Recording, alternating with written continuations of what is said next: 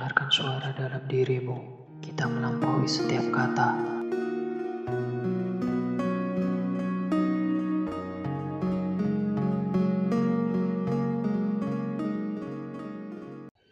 Assalamualaikum warahmatullahi wabarakatuh.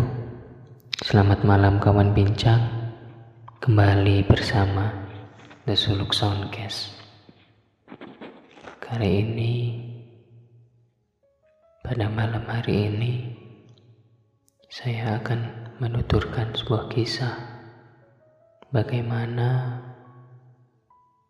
sebuah cinta, sebuah kerinduan kepada Rasulullah Shallallahu Alaihi Wasallam. Bagaimana tingkatan kita untuk mencapai mahabbah kepada Kanjeng Nabi dan gambaran bagaimanakah sebenarnya kita kalau ingin benar-benar mencintai Nabi Muhammad Shallallahu Alaihi Wasallam. Mari kita simak kisahnya. Pada suatu hari di sebuah madrasah atau sekolah atau bisa dibilang seperti pesantren di wilayah Basroh terdapat seorang murid yang berkunjung ke kediaman gurunya atau syekhnya. Dia bermunajat atau mempunyai ingin agar sang murid tersebut dapat melihat Rasulullah Shallallahu Alaihi Wasallam dalam mimpinya. Dia datang kepada syekhnya dan dia mengungkapkan apa yang ingin dia capai. Dia datang kepada sang guru dan dia ber bicara kepada gurunya. Ya Syekh, saya ingin sekali bermimpi tentang Rasulullah SAW. Saya ingin bertemu dengan Baginda Muhammad SAW dalam mimpi saya. Kemudian sang syekh bertanya kepada sang murid, Wahai muridku, Apakah kecintaanmu sudah begitu besar kepada Nabi Muhammad? Sang murid pun menjawab, Sudah sang syekh. Cinta, cintaku kepada Nabi Muhammad sudah sangatlah besar. Kerinduan ini sudah tidak bisa tertahan lagi. Tapi mengapa hamba masih tak kunjung bermimpi melihat Rasulullah melihat keinginan sang muridnya tersebut. Sang Syekh kemudian memberikan nasihat kepadanya.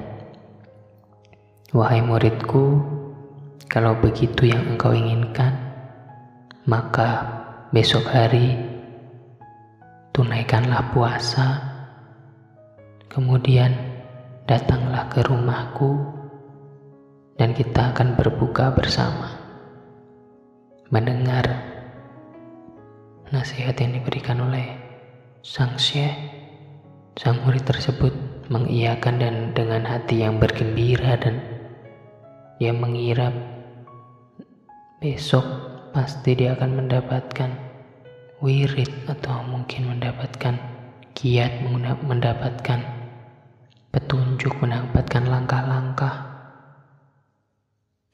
dia bisa bermimpi dengan Rasulullah SAW, bermimpi tentang Rasulullah.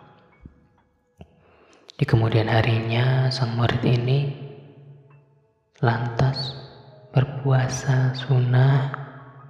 Kemudian, ketika sudah menjelang waktu berbuka, dia datang kepada rumah guru atau syekhnya tadi. Sang guru pun sudah menyiapkan berbagai hidangan untuk berbuka dengan sangat banyak.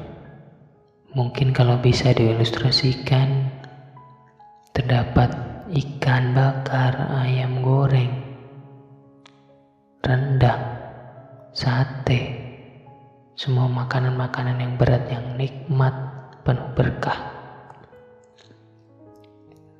Kemudian tatkala waktu berbuka datang, sang murid lantas berbuka bersama dengan sang syekhnya. Makanan yang disantapnya banyak mengandung minyak, banyak mengandung lemak, banyak mengandung garam. Kemudian setelah selesai makan, setelah selesai berbuka, ternyata ada satu hal yang kurang. Sang murid pun bertanya kepada sang syekh, Wahai syekh, saya sudah memakan sudah berbuka dengan semua hidangan yang kau berikan. Tapi saya tidak melihat satu gelas air pun di meja makan ini. Kemudian sang syekh berkata, Memang seperti ini.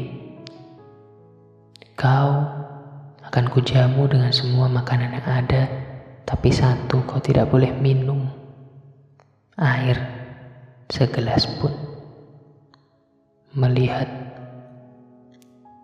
uh, syarat yang diajukan sang syekh tadi sang murid pun terkaget dan tersedak kemudian merasa apakah ini jalan yang bisa ditempuh agar bisa melihat bermimpi Rasulullah kemudian waktu pun bergulir sampai sang murid pun sangat kehausan, sangat kepayahan karena menahan haus.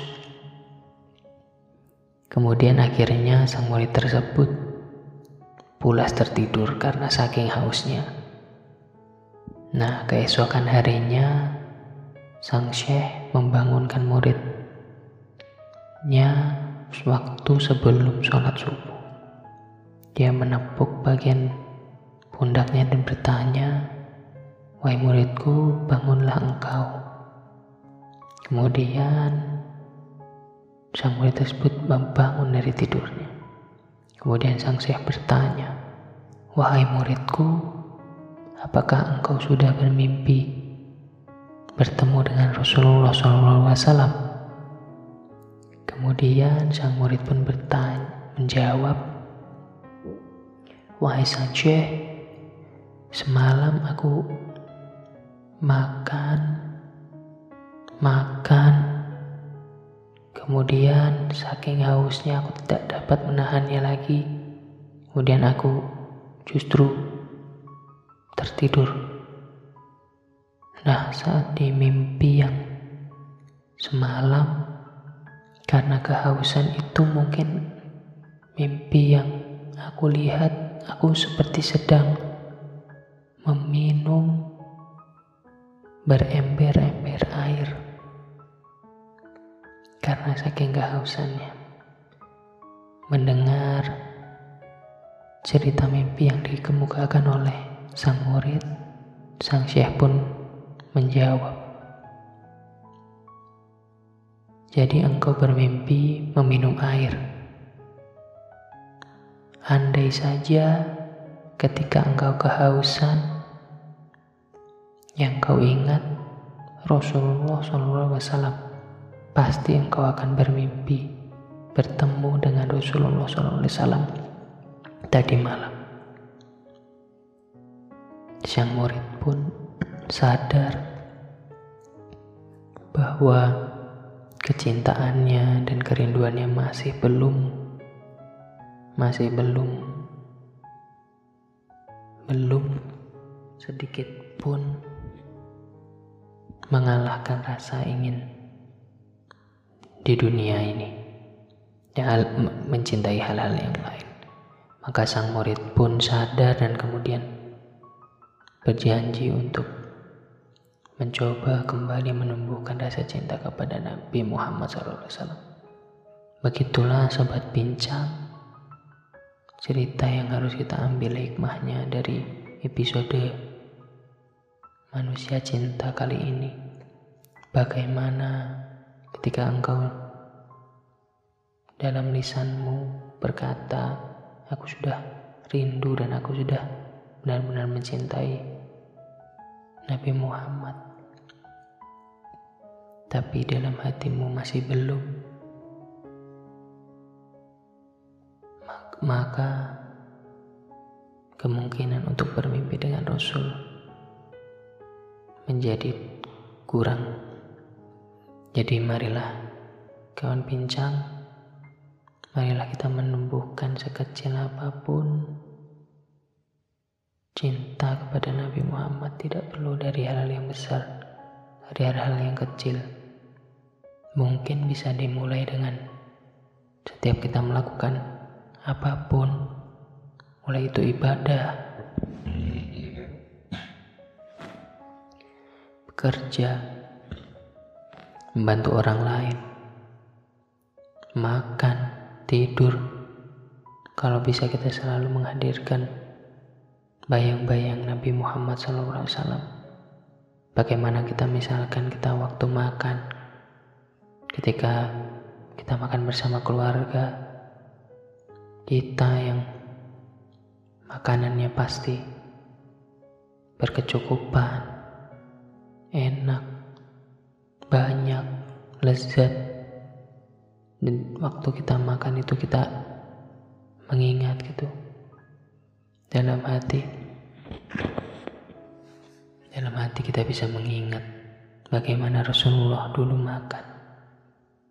Bagaimana sekarang kita bisa makan dengan makan makanan yang bergizi, enak, lezat, tapi bayangkan, Nabi Muhammad, Nabi kita, Nabi yang kita cintai. Dia rela menahan makan, tidak makan tiga hari. Perutnya di ditambat dengan batu agar tidak berbunyi. Bagaimana Rasul sangat sedikit makan, bahkan mungkin ketika beliau bertanya kepada Ummul Muminin Aisyah dia bertanya apakah hari ini ada persediaan makanan? Tetapi Aisyah radhiyallahu anhu menjawab tidak ada ya Rasul. Maka kalau begitu kita berpuasa. Bayangkan kita yang setiap hari bisa berseharusnya bersyukur makan dengan makan makanan yang baik. Rasul saja yang manusia paling sempurna makan saja masih kadang-kadang sering Rasul lebih sering laparnya daripada kenyang maka dari itu kawan bincang marilah kita menghadirkan Nabi Muhammad di setiap aliran detik waktu kita. Semoga itu menjadi pelajaran dan hikmah untuk saya sendiri khususnya dan umumnya untuk kita semua. Terima kasih kawan bincang sudah menyimak episode manusia cinta kali ini. Kita bertemu di episode yang selanjutnya. Assalamualaikum warahmatullahi wabarakatuh.